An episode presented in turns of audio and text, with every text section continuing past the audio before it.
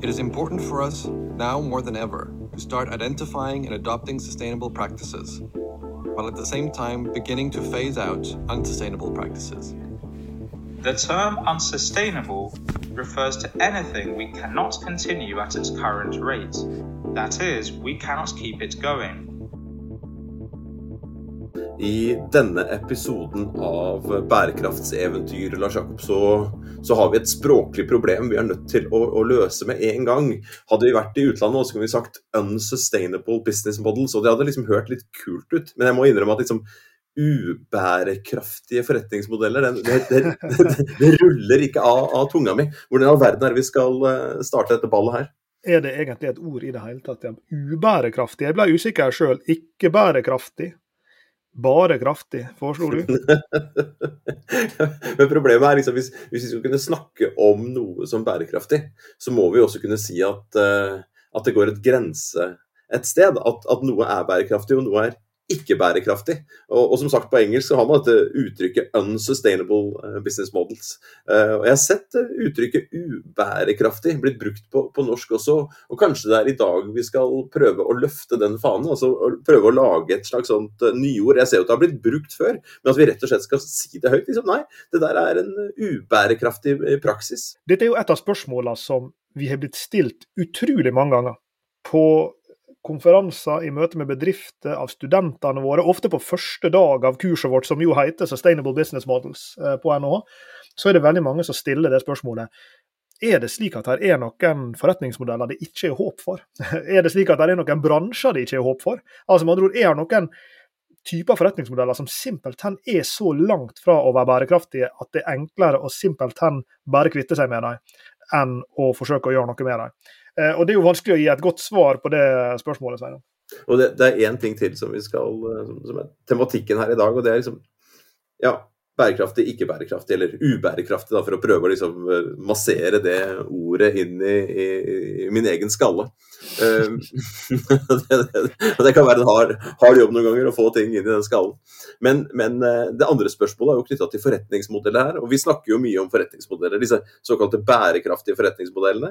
Uh, og så får vi ofte spørsmål om, om hva hva en forretningsmodell er. Er det nødvendigvis eh, helt ned på mikronivå knytta til en produkt eller en tjeneste, eller kan vi også snakke om forretningsmodeller for en hel sektor? Og I dag skal vi gjøre det. Vi skal snakke om uh, bærekraftige og ubærekraftige forretningsmodeller uh, per sektor. Vi skal, vi, skal, vi skal, innom energi, vi skal innom bygg og anlegg, vi skal innom noen store uh, sektorer med et stort fotavtrykk, som vi kan si, og vi vil påstå, har et, et, et, en forretningsmodell sånn grovt sett for den bransjen. Så kan det jo selvfølgelig være store forskjeller mellom ulike aktører i energi, både med hensyn til forretningsmodellene deres, altså hvordan de skaper og kaper og, og leverer verdi, hvordan de tjener penger og hvordan de, hvordan de drives. Um, og det kan også være store forskjeller med hensyn til hvor stort fotavtrykk de, de har. Brunt eller grønt, for å bruke den enkle, enkle fordelingen. Og Det faglige bakteppet som vi skal starte med her, det eh, vil ikke overraske vante lyttere. Fordi eh, vi må nok en gang tilbake igjen til vår gode venn eh, Nancy Bokken, som er professor på Maastricht-universitetet. Uh, og jeg vet ikke hvilket narkotikum hun tar for å bli så produktiv som hun er, men uh, give me some of that. Uh, hun publiserer jo artikler over en lav sko, og ikke bare artikler av et hvilket som helst kaliber, men det blir jo så mange av de innflytelsesrike på dette feltet. Hun har jo skrevet mange av de, av de absolutte sånn, grunnleggende artiklene på dette feltet bærekraftige forretningsmodeller. Og vi har snakka om flere av disse før i, i tidligere episoder. så så um, erfarne lyttere vil, vil, kjenne dette igjen. Men, men, hun skrev jo da en artikkel sammen med en kollega som heter Samuel Short, uh, som også er, i Maastricht. Uh, som heter nettopp 'Unsustainable Business Models', med undertittelen 'Recognizing and Resolving Institutionalized Social and Environmental Harm' altså sosial og miljømessig skade, som er bakt inn i kjernen av en forretningsmodell. Eh, dette, dette paperet det ble eh, publisert tidligere i år i Journal of Cleaner Production. Eh, og Det forsøker jo da nettopp å gjøre det som du var inne på, Sveinung. Å si noe om på sektornivå hvilke typer forretningsmodeller er det som er der ute, som, som per i dag er virkelig langt fra å være bærekraftige. Eh, og Så tar de et interessant grep i denne artikkelen, fordi at de, de bruker SDG-ene, FN sine bærekraftsmål, som en slags benchmark for å si ja, la oss ta disse SDG-ene på alvor. da. Og så tar vi for oss disse ulike bransjene, og så ser vi hvor langt er disse bransjene fra eh, å kunne si jo, i tråd med disse 17 målene, disse 169 delmålene, eh, så er vi bærekraftige. Hvor langt er de fra det?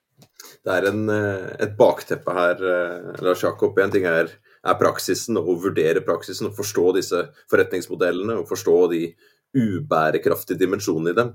Men uh, kikker man nærmere på paperet og ser på introduksjonen der, så, så er det et litt sånn sukk også. Sukk fra forskeren, sukk fra forskerne. Og vi kan jo kjenne det igjen selv. altså Man skriver bøker, man, man, eh, vi holder forelesninger, holder foredrag. Eh, vi holder, har en podkast om bærekraft og, og, bærekraftig business. Og så ser man jo at, at noe av de kalte sånn normative, det man skulle ønske seg, eh, vokste frem i næringslivet. Det tar litt lengre tid enn man håpet på. Og, og, og Bokken med flere de skrev jo da en, en artikkel i sånn type 2014-2016, jeg tror det var et, et, par stykker rundt det, eh, om disse bærekraftige forretningsmodellene og såkalte arketyper. altså noen hovedkategorier av uh, slike bærekraftige forretningsmodeller. Det kan være knytta til å, å, sirkulær økonomi, uh, både resirkulering og gjenbruk og, og, og, sånne ting som vi har diskutert før.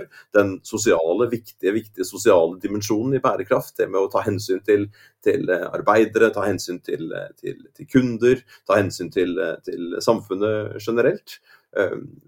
Så, så, som sagt, altså, så ble det dratt opp da, et slags sånn kart eh, i den tid, eh, for noen år tilbake, over det man kanskje opplevde at man begynte å se, og i det minste hva man skulle ønske å se mer av, og også legge opp et kart for hvordan bedrifter kunne nå eh, en, en, en slike bærekraftige forretningsmodeller. Da. Og Så ser man på praksis over tid, og så ser man at oi, her har man kanskje vært litt for, for tidlig ute, kanskje vært litt for optimister, optimistiske. Eh, og man ser det at, at her henger faktisk praksis igjen. Og det den artikkelen gjør, det er å gå inn, som du sier, og si ok, hvis vi skal ta disse bærekraftsmålene på alvor, disse 17 bærekraftsmålene knytta til miljø, knytta til, til, eh, biologisk mangfold, til klimakrisen, eh, til, til eh, forsøpling, til ressursbruk, alt det som går på miljø, og alt det som går på det sosiale.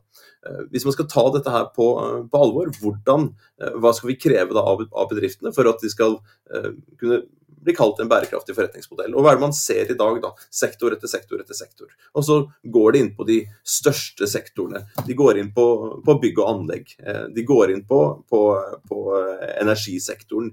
De går inn på, reiseliv. De går inn på det som på utenlandsk heter eh, fast moving consumer goods, altså alle de produktene vi, vi bruker i, i, i, hverdagen vår.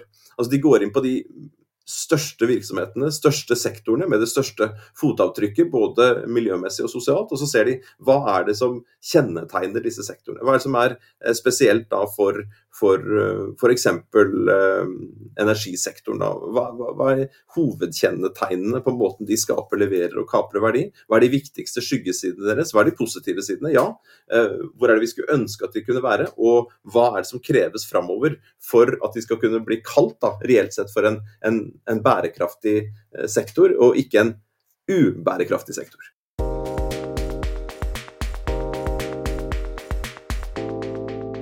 Jeg husker som uh, ung uh, sånn forskerstudent på doktorgradsstudiet, så var noe av det som jeg syntes var vanskeligst, det var når vi fikk i oppgave ta denne publiserte vitenskapelige artikkelen her, og så kritisere den. Uh, gå løs på den, diskutere, peik på svakhetene. Det, det, jeg blir jo heldigvis flinkere over tid, kanskje. Men det, det var noe som jeg alltid syntes var vanskelig. Men, men, det er jo også interessant. og Jeg har bare lyst til å si det om denne denne studien, som er jo veldig ambisiøs på et vis. Det, det de setter seg fore, eh, Nancy og, og kollegaene her i denne artikkelen, er jo veldig ambisiøst. Å forsøke å si på bransjenivå hvilke bransjer er det som er mer og mindre eh, bærekraftige, eh, og på hvilke måter. Og, og allerede på, på, tabell 1, for spesielt interesserte her, så gjør de noe veldig interessant. De sier her er de 17 SDG-ene, fra No Poverty, Zero Hunger og hele veien ned til Partnership. Og så er det en kolonne til der de sier ja, og her er da det som vi vil tenke på som ansvar, eller liksom det som ville være den naturlige responsen for ulike bransjer. Og Hvis du da f.eks. ser bare stakk seg ut for meg, eh, SDG 11 her, Sustainable Cities and Communities, så operasjonaliserer de da ja, hva er det som, som da denne, disse bransjene som, som, driver med byer og, og alt det her, eh, altså byggenæringa f.eks., eh, vil, vil falle inn der. Ja, affordable quality homes, sense of place, beauty in the built environment. Uh, og så er det da low carbon uh, solutions. Uh, and retail and services close at hand. Dette, dette diskuterte vi jo i, i uh, episoden om den bærekraftige byen med Fredrik Barth, så, som jeg husker vi, vi inviterte. og vi, han, uh, vi, kjenner han jo godt, og vi trodde han skulle først og fremst komme her og snakke om sirkulære bygg og ombruk og sånn, men han ville jo bare snakke om den gode byen og det gode livet. Og, og, og dette er jo veldig interessant. Sant? For hva er det vi mener når vi sier ja, vi har et bærekraftsmål som heter Sustainable Cities? Ja, Hva er det det er for noe? Jo, sier Nancy og kompani her, det er blant annet beauty in the built environment. Det er a sense of place. Eh, og så er det selvfølgelig også disse her miljødimensjonene som vi snakker om med, med lavkarbonsutslipp og mobilitetsløsninger som, som, gjør det mulig å forflytte seg eh, effektivt og lavutslipp og, og, alt det her. ikke sant? Eh, så, så, det er bare interessant sånn premiss, nei, sånn premisser her, da, og sånn steg for steg, så prøver de liksom å si ja, hvordan kommer vi oss fra en bransje som enten det er bygg, eller det er fast moving consumer goods, energi, fra måten han er blitt rigga på over år etter år, tiår etter tiår, eh, i noen tilfeller 100 år etter 100 år, og har blitt til den bransjen han er. Og så nå får vi disse 17, denne menyen med 17 bærekraftsmål, og så skal vi bruke dem som omdreiningspunkt for å si vet du hva, vi kan få enda mer bærekraftige byer. Vi kan få en, et enda renere hav. Vi kan få enda mer gender equality. Men det fordrer at disse bransjene her endrer seg på følgende måte. Eh, så det er, jo, det er jo en drøm for kverulanter, dette paperet. Å liksom gå løs, gå løs på både premissene og måten de bygger opp på.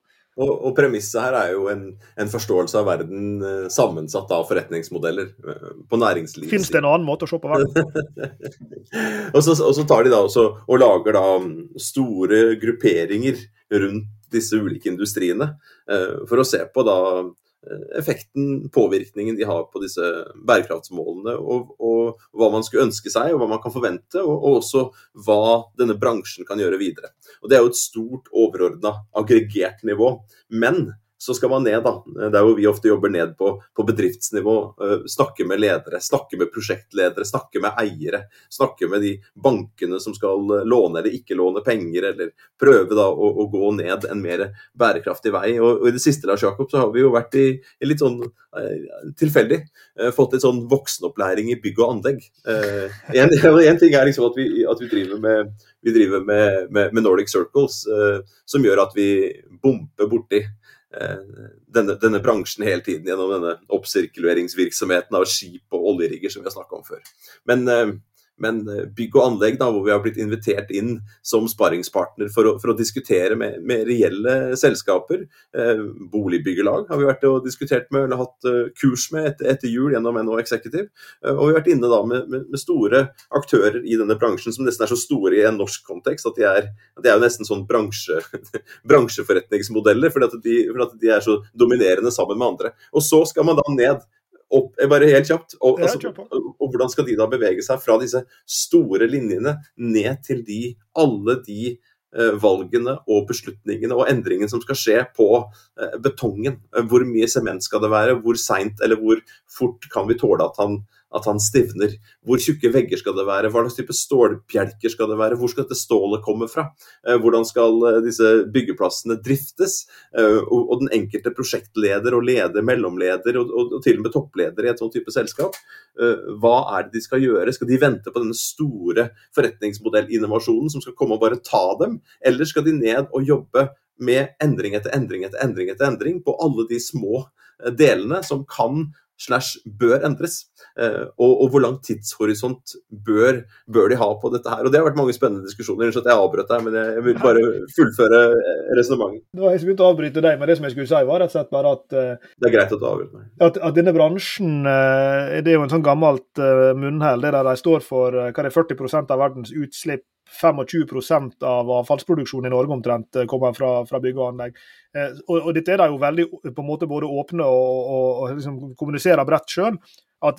jeg, tror at bygg og anlegg er de første til å innrømme at vi har en lang vei å gå før vi kan si at den norske byggenæringa, og for den del den internasjonale byggenæringa, er fullt ut bærekraftig. Og, og, det er jo eh, sånn sett ikke overraskende at det er en av bransjene som, som Nancy og, og kollegaene hennes tar for seg her. Og, og Der diskuterer jo de da hvordan, eh, med hensyn til, til fire SDG-er.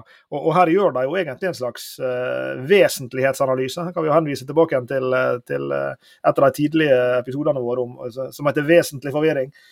Eh, som, som, handler om vesentlighetsanalysens plass i, i bærekraftsstrategi og bærekraftsrapportering. Nettopp dette her eh, utfordringa i å velge ut hva er de viktigste bærekraftsavtrykkene en, en, virksomhet, eller for den i dette tilfellet en bransje, skal bry seg om. Eh, og Der foreslår jo da forfatterne i denne studien at fire eh, av SDG-ene, henholdsvis 11 Sustainable Cities and Communities, 13 Climate Action, ref disse 40% av utslippene, nummer 9 Industry Innovation and Infrastructure og nummer 15 Life on Land. Det er klart det er ganske betydelige landpåvirkninger av bygg og anlegg eh, på ulike måter. måter. Både uthenting av ressurser i selve byggevirksomheten og eh, det som, som, ligger igjen til slutt av, av avfall og, og, hva det måtte være. Eh, så, så, det er jo sånn sett en bransje som, som på et vis står laglig til til hogg, da. Men, men, som du var inne på, så ser jo vi all innovasjon som skjer i denne bransjen. Enten det er den sakte saktetørkende betongen, eller det er de smartere Eh, byggemetodene, eller det er ja, you name it. Der er jo så mange eh, deler av det lappeteppet der nå hvor denne bransjen forsøker å bevege seg i denne retninga.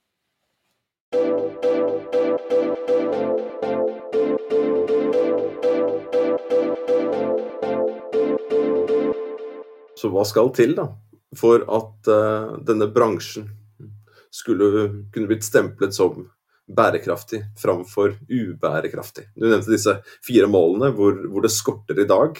Eh, både når det gjelder miljø og når det gjelder dette her sosiale. Eh, hvilke type eksternaliteter, disse negative sidevirkningene, har, har, har, har, disse virksomhetene? Hvordan skal de kunne bevege seg videre med å, å bli mer sirkulære? Eh, bruke mindre, har vi jo snakket om før. Å slanke. Slanke, bremse og lukke har vi hatt en episode på. Hvordan skal man slanke byggene, hvordan skal man redesigne byggene sånn at de kan ja, ha lengre levetid, kanskje være mer fleksible underveis, men eh, ikke minst da i etter at, at, at levetiden er, er, over. Hvordan er det man skal kunne re, eller gjen, gjenbruke eh, deler av bygget, eller hele Eh, større deler av bygget, eller deler av bygget, eller komponentene i bygget eh, på nytt. Så Det er liksom alle de mulighetene som er knytta til det sirkulære, og så er det den sosiale delen som du er inne på her. Hvis man skal ta da, nummer 11, bærekraftige byer og, og, og, og, ah, communities. Jeg klarer ikke å ta den i, i ja, Lokalsamfunn. Ja, tusen takk, tusen takk. Hvis man skal ta det på alvor, da. Eh, det er et vesentlig Eh, fotavtrykk for oss som vi er nødt til å ta hensyn til hvis vi skal kunne gå fra ubærekraftig til, til bærekraftig. Hvordan skal man da bygge for flere? Hvordan skal man lage disse gode eh, miljøene i byen? Hvordan skal man la samarbeide på tvers av den type aktører eh, for å, å, å gjøre det mulig da, for folk å bo tettere på butikkene, bo tettere på arbeidsplassene sine. Eh, og alt det andre som skal til for å lage vakre byer og, og byer hvor det er, er, godt å leve. Så, så og, og, og, i diskusjonen vi har hatt da, Lars Jakob, med en bransje at, eller med en stor aktør her, da, med mange mange delselskaper, og så, så sier de vel ganske ærlig at ja, vi, vi, har dette her på agendaen nå. Vi, vi, vi, ønsker å integrere bærekraft i det vi gjør, men, men, det er ikke så enkelt. Eh, vi opplever ikke at kundene våre etterspør det. Eh, sluttkunder er ikke nødvendigvis villige til å betale mer. Vi opplever ikke at reguleringene eh, legger føringer for det på en sånn måte at det gir dem noen, noen insentiver til å, å, gjøre ting annerledes. Det er ikke bare bare, altså Apropos reguleringer, det er ikke bare bare å bruke eller gjenbruke komponenter eller fra, fra, fra, fra bygg som har blitt, blitt revet. For det, altså, det, er mange ting som skal på plass før man kan gjøre dette her. Og så, og så er det den der sosiale dimensjonen også. Altså sånn, eh, hvis ikke det er kundeetterspørsel, hvis ikke det er andre insentiver, f.eks. fra finansinstitusjoner eh, og sånne ting, til å gjøre dette her, så hvem er det som skal ta regninga? Og så er det også en, opplever en sånn liten frykt for at ja, vi, skal vi være første altså skal vi ta første treks. Altså den, den, den, første first mover disadvantage, heter det på, på engelsk. Altså mm -hmm. førstetrekksulempen. Skal vi være den som går foran og, og tar støyten her? Eh, eller skal vi vente litt og se at, eh, at uh, ulike ting faller på plass? Men i diskusjonene da, så har vi hørt og fått tilbakemelding på at jo, men dette handler jo om uh, F.eks. knytta til betong, da man kan putte glassfiber i, i betongen. Eh, få ned sementavtrykket og bruke andre materialer i det. Eh, det går helt konkret på å ha et bygg på x antall tusen eh, kvadratmeter som skal rives, og gå inn og se hvordan er det man kan gjenbruke bygget så, totalt sett, eller, eller komponentene, på nye måter. Det, det, går inn og ser på hvordan du drifter arbeidsplassen, fremmer sikkerhet for de, for de ansatte. Hvordan er det du elektrifiserer maskinparken? Og, og, og, så skjønner man at sånn, Apropos interface, da, som vi har snakket om før, denne store omveltningen av interface og Ray Andersons mid uh, altså I midten av, av, av 1990-tallet som fikk denne oppvåkningen. ikke sant? Og så ser man i dag, 25 år etterpå, at oi, her har det skjedd så mye, og dette her er helt umulig for oss å gjøre. Men kanskje det er mulig, eh, hvis man har da en, en tidshorisont på fem til ti år, med å ta tiltak på tiltak på tiltak. Lete etter eh, tiltak som kan redusere kostnader, øke inntekter, redusere risikoen. Eh, ta tak i disse miljømessige aspektene, ta tak i disse sosiale aspektene. Og bygger stein på stein, for å bruke et, mm. et byggeuttrykk. Eh, og da beveger en bransje fra å være nært det man kan kalle ubærekraftig, til bærekraftig eller mer bærekraftig, det minste. Det som jeg synes er så interessant med, med dette paperet til, til, Nancy, som vi har graver oss ganske dypt ned i, og, og for de som har legning til å lese slike ting, så, så ligger jo en, en anbefaling implisitt mellom linjene her. Men det er jo nettopp at de tar dette forretningsmodellperspektivet så veldig på alvor, som du innleder med, med å snakke om, Sveinung. Eh, fordi det, det, som jeg synes de gjør så godt, er jo å si ja, hva er det fra et forretningsmodellperspektiv som er problemet her? Eh, og så, hva er det fra et forretningsmodellperspektiv som kan være responsen her? Eh, og, og, Da ser du f.eks. I, i gjennomgangen av, av, alle disse bransjene som de snakker om her, og det er både fast moving consumer goods, som du var inne på, det er energisektoren, det er eh, kles- og tekstilbransjen. Eh, da, forsøker de jo da analytisk å si ja, hva, hva slags hva slags unsustainable business model type som det er. Altså, på hvilken måte er det denne forretningsmodellen er ikke bærekraftig? For, for, noen av disse, du kan tenke deg både fast moving consumer goods og i tekstilbransjen f.eks., så er dette med eh, kvantitet over kvalitet, volume over value, det er bakt inn i forretningsmodellen. Ok, Hvordan komme seg videre derfra? Hvordan frigjøre seg fra en, fra en volume over value? Eh, posisjon i et marked. Dette er jo den dype strategidiskusjonen egentlig som, ligger, eh, som dette leder inn i. Da. Eh, hvordan løse de problemene som vi vet at komplekse globale verdikjeder eller leverandørkjeder har. Dette er jo i åpenhetslovens tid blitt, blitt høyaktuelt, og vi ser at, at norske selskap fra bransje etter bransje nå kaster seg rundt for å vise at de har due diligence på plass for disse komplekse leverandørkjedene sine. Så hva er forretningsmodellresponsen? For én ting er jo å kunne bare si at jo, vi har et problem med, med arbeiderrettigheter i verdikjeden vår, eller vi, ja, vi produserer for mye avfall fordi vi produserer produkter som ingen vil ha, så blir de kasta. Men, men, hva er det ved forretningsmodellen som leder oss dit, og hva vil være den naturlige forretningsmodellresponsen for å gjøre noe med det? Eh, og, og, Det er det som jeg synes er så bra. Det, det kan liksom høres ut etter paperet her som, som, at det er så veldig sånn kritisk og negativt, men, men, det er på mange måter et veldig konstruktivt, mm. et dypt konstruktivt paper. Altså, de forsøker å si disse bransjene er ikke bærekraftige. De er virkelig ikke bærekraftige per i dag. Eh, og, og liksom Når vi hører overskriften om hvilke bransjer vi snakker om, så er det liksom lett å nikke med og si at jo, sånn er det. Men så er det tilbake til dette spørsmålet vi får så ofte. Da. Ja, skal vi bare tuppe disse bransjene ut vinduet, da? Så er vi ferdig med problemet.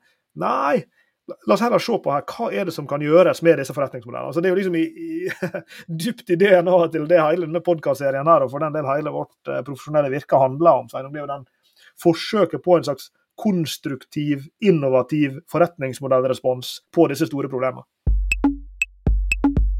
Vi tar opp uh, mange bransjer her, og vi, vi har ikke vi skal ikke bruke tid på å gå gjennom alle sammen i dag. Det kan absolutt hende at vi, at vi vil referere til, til dette paperet igjen seinere og bruke det som litt sånn eh, bakgrunn når vi diskuterer andre problemstillinger.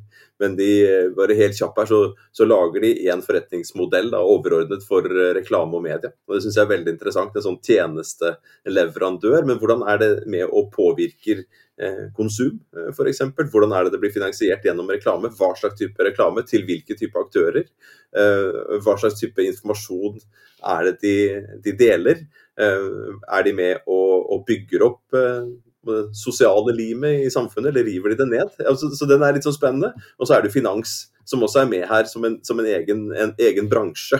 Som også er veldig spennende, syns jeg. Jo, for den griper jo inn i, i, alle de andre. Og ja, vi har mye kontakt med bygg og anlegg, Lars Jakob, men vi har også veldig mye kontakt med, med, med bank og forsikring og disse selskapene der, som da Uh, prøver å se på sin egen strategi uh, og tenker ok, hvordan er det vi skal bli bærekraftig? Hvordan skal vi gå fra ubærekraftige til, til bærekraftige? Betyr det at vi skal bli flinkere til å skylle yoghurtbegrene og, og, og, og, bruke mindre strøm og reise mindre og gjøre noe på vår egen innafor gjerdet? Eller eh, selvfølgelig, ja, griper dette her inn da i eh, de virksomhetene vi har kall det partnerskap med. Da. De vi finansierer, de vi forsikrer. Eh, og hvordan er det man da reelt sett kan endre en, en, sånn bransje fra å være uh, igjen bærekraftig til Unnskyld, ubærekraftig til, til, bærekraftig. Går i surr. Jeg hører du bruker ikke-bærekraftig, Lars Jakob. Jeg, jeg, tror ikke vi helt Ja, det går kjempe... Jo, du, du, du er tilgitt for i dag, men,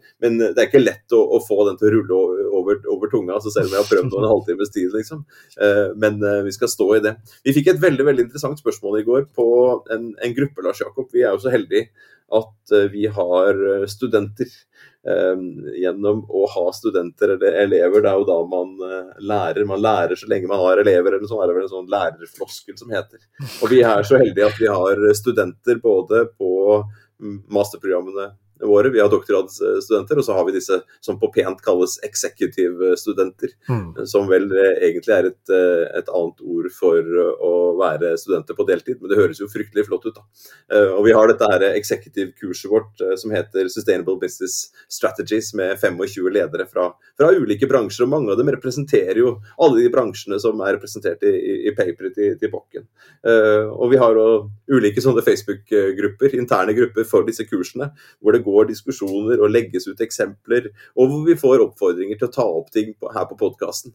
Og i går kveld eh, Lars Jakob, så fikk vi en, en oppfordring til det. Lite kunne Anne Hasselgren, som, som er regionleder for, for Bouvet her, i, her på Vestlandet, vite at vi eh, faktisk skulle inn eh, og lage akkurat denne episoden i dag om ubærekraftige, var det det du sa? Ubærekraftige forretningsmodeller. Fordi at Hun delte en, en DN-artikkel med oss og med de andre deltakerne på dette executive-programmet i, i, går kveld. Og Det er kanskje noen som, som leste den artikkelen som da ble publisert 28.11. Eh, på, på Dagens Næringsliv sine nettsider. Og Den heter 'Brune selskaper lager de grønne patentene'. Med under, undertittelen 'Hvis du vil støtte grønn innovasjon, kjøp aksjer i et oljeselskap'. Det var jo en, eh, en uh, iøynefallende overskrift. Brannfakkel! En brannfakkel. uh, og, og, denne artikkelen, uh, som, som, jo er skrevet av en av kommentatorene i, uh, i, i DN, det er vel han Bjerkholt, tror jeg, det heter? Bård Bjerkholt.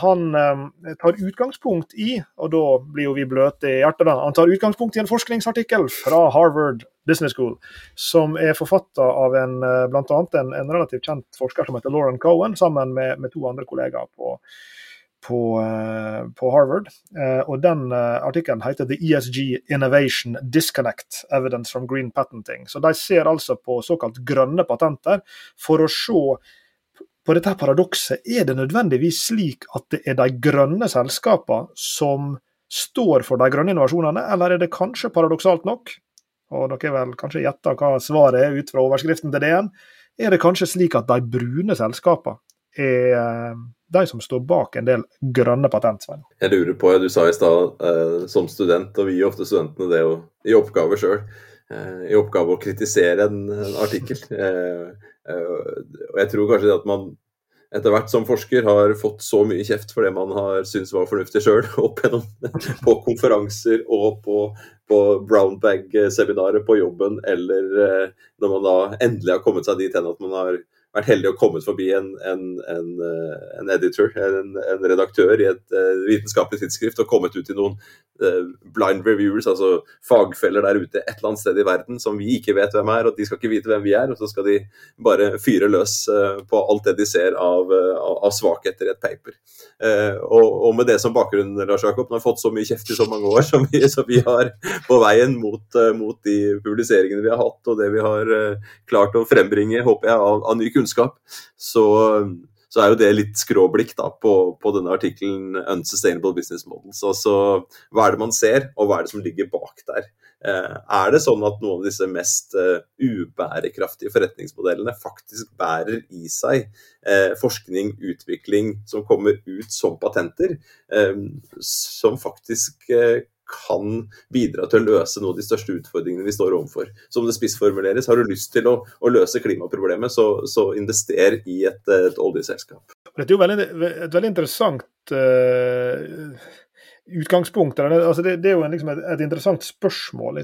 Hvem, hvem, er det du uh, stoler på? Vi hadde en, uh, Vår forrige episode handla om tillit. Hvem er det du stoler på, og hvem er det du, du tror på til å lykkes med de store innovasjonene? Og det, det er jo selvfølgelig ikke helt Eh, unaturlig å tenke at selskap som er langt framme på teknologifronten av det er, jo, det er jo spesielt energisektoren da, som drøftes i, dette, i denne studien, her, og som, som også denne DN-artikkelen tar for seg. Men for den del i andre bransjer så, så kan du se på eh, nær sagt de store midlene som blir altså finansielle ressurser som blir brukt på å gjøre bærekraftsforbedringer i, i andre bransjer som får mye juling. Det kan være i, i fiskeoppdrett, som er store, som er store bærekraftsinnovasjon-budsjett. Det kan være i Fast Moving Consumer Goods, som du var inne på her i stad.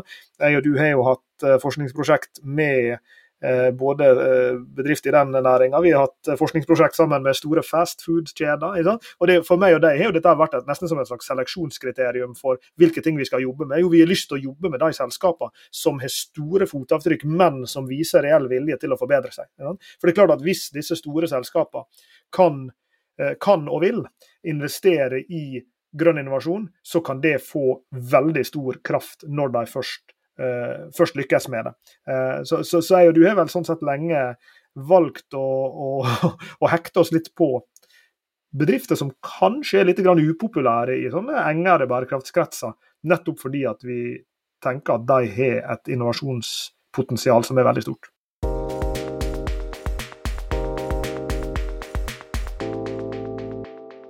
Jeg skulle ønske at jeg hadde fått lest denne, denne ESG, Innovation Disconnect, Evidence from Green Patenting.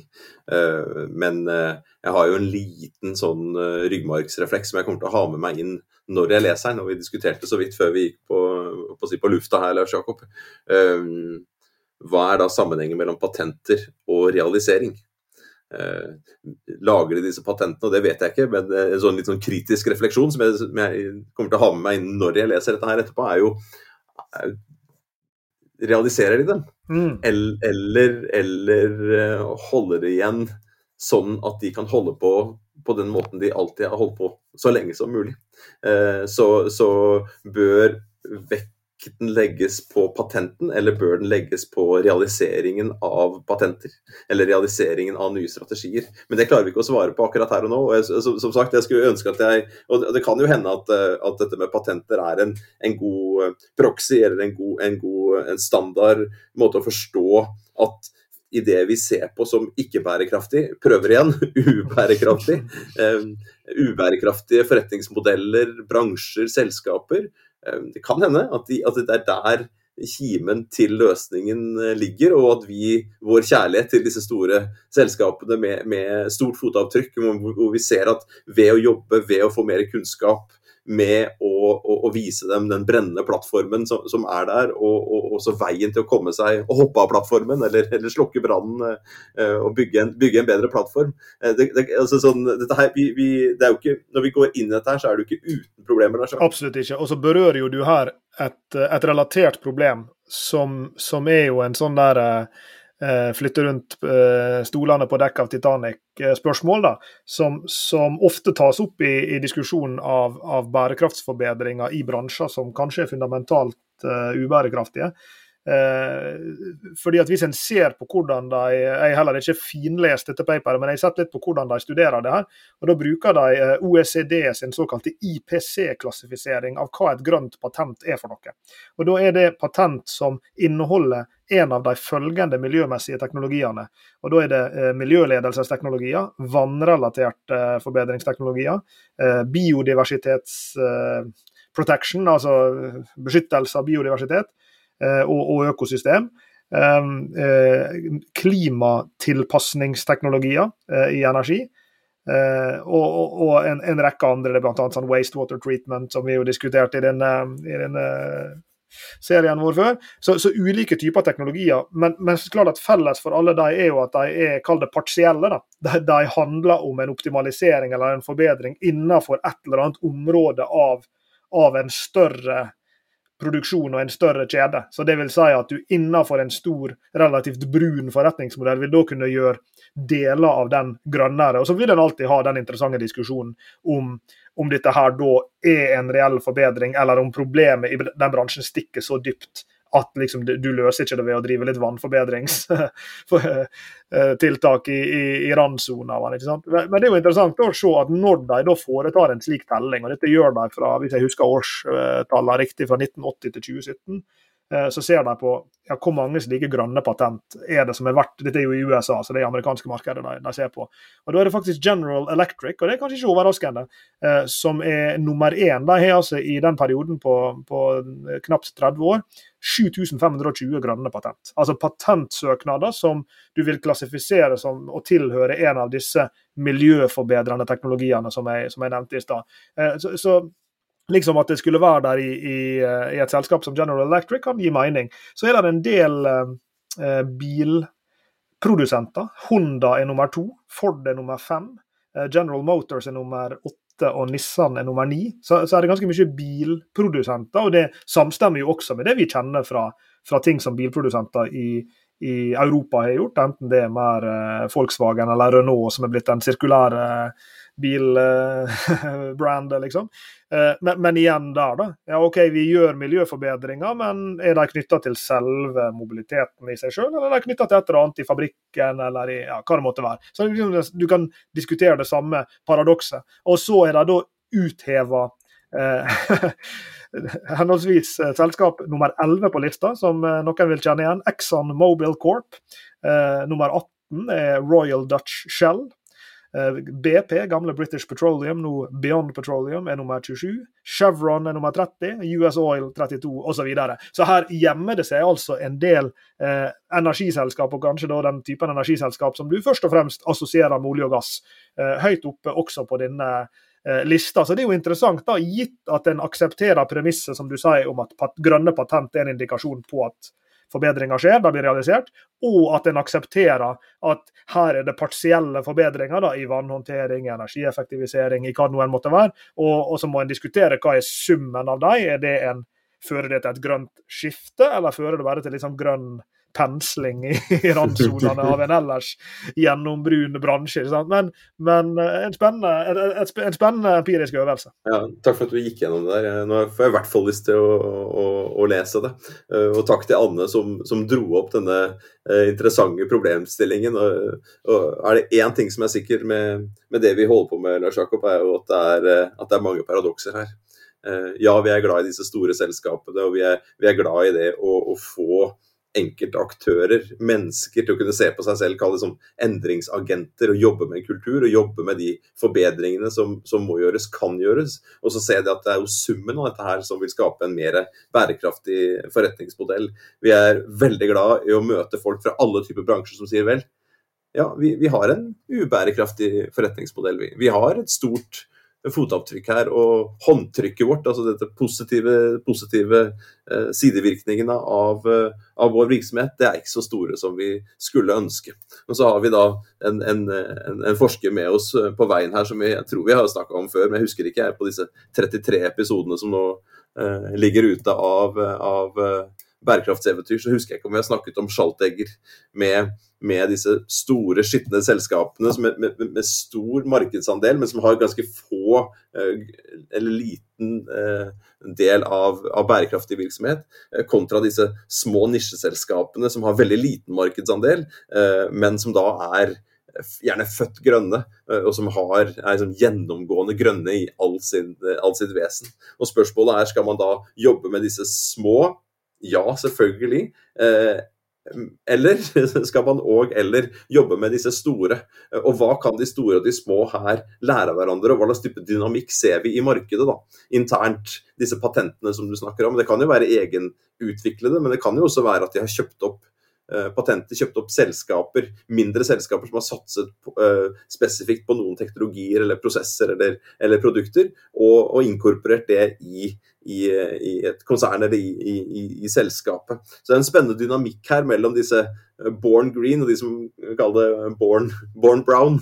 Uh, uh, og, og vi vet jo da ved å gjøre kanskje inkrementelle små endringer i de store, som har da en, en, ubærekraftig forretningsmodell, så kan de, de, positive ringvirkningene være veldig store. Men det betyr jo ikke at uh, Skal jeg prøve med en dobbel fornektelse en gang til? Det betyr jo ikke at ikke eh, ja, ja, det betyr jo ikke at ikke bærekraftig uh, business er hardt arbeid. Bærekraftig business er hardt arbeid. Bærekraftig business, det å gjøre en ubærekraftig forretningsmodell bærekraftig, det vil si å identifisere, som du sa, hva er de vesentlige hensynene. og Det er det Bokken og Short tar opp her, når de bruker disse bærekraftsmålene og tar det på alvor. Ja, Hva betyr ingen fattigdom for dere? Hvordan, dere, hvordan fordeler dere eh, verdien dere skaper? Hva betyr likhet mellom kjønnene? Hva betyr eh, biodiversitet for dere? Hva betyr eh, det å, å, å, gjøre noe med klimakrisen for dere, eh, reelt sett? Eh, om du da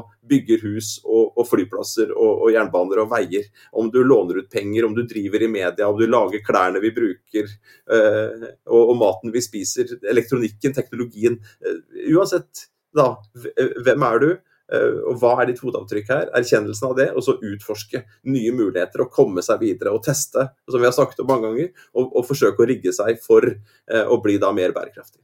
Og så den siste refleksjonen jeg skal dra over den her ESG eh, e Innovation-koblinga her da i, dette, i denne Harvard-studien, det er jo det at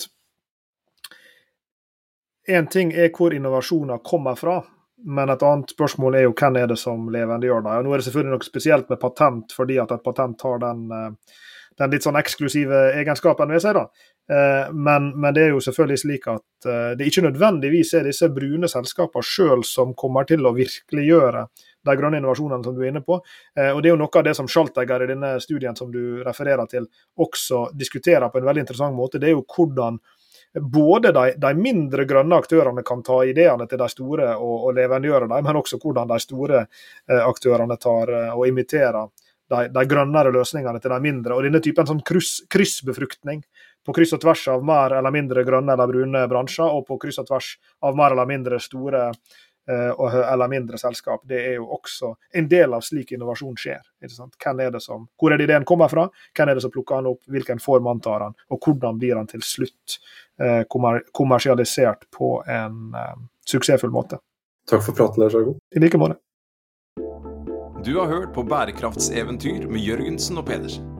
Send e-post til eventyr.krøllalfa.jorgensenpedersen.no for å stille spørsmål eller komme med forslag til tema for fremtidige episoder. Og besøk jorgensenpedersen.no for mer informasjon om denne podkastserien.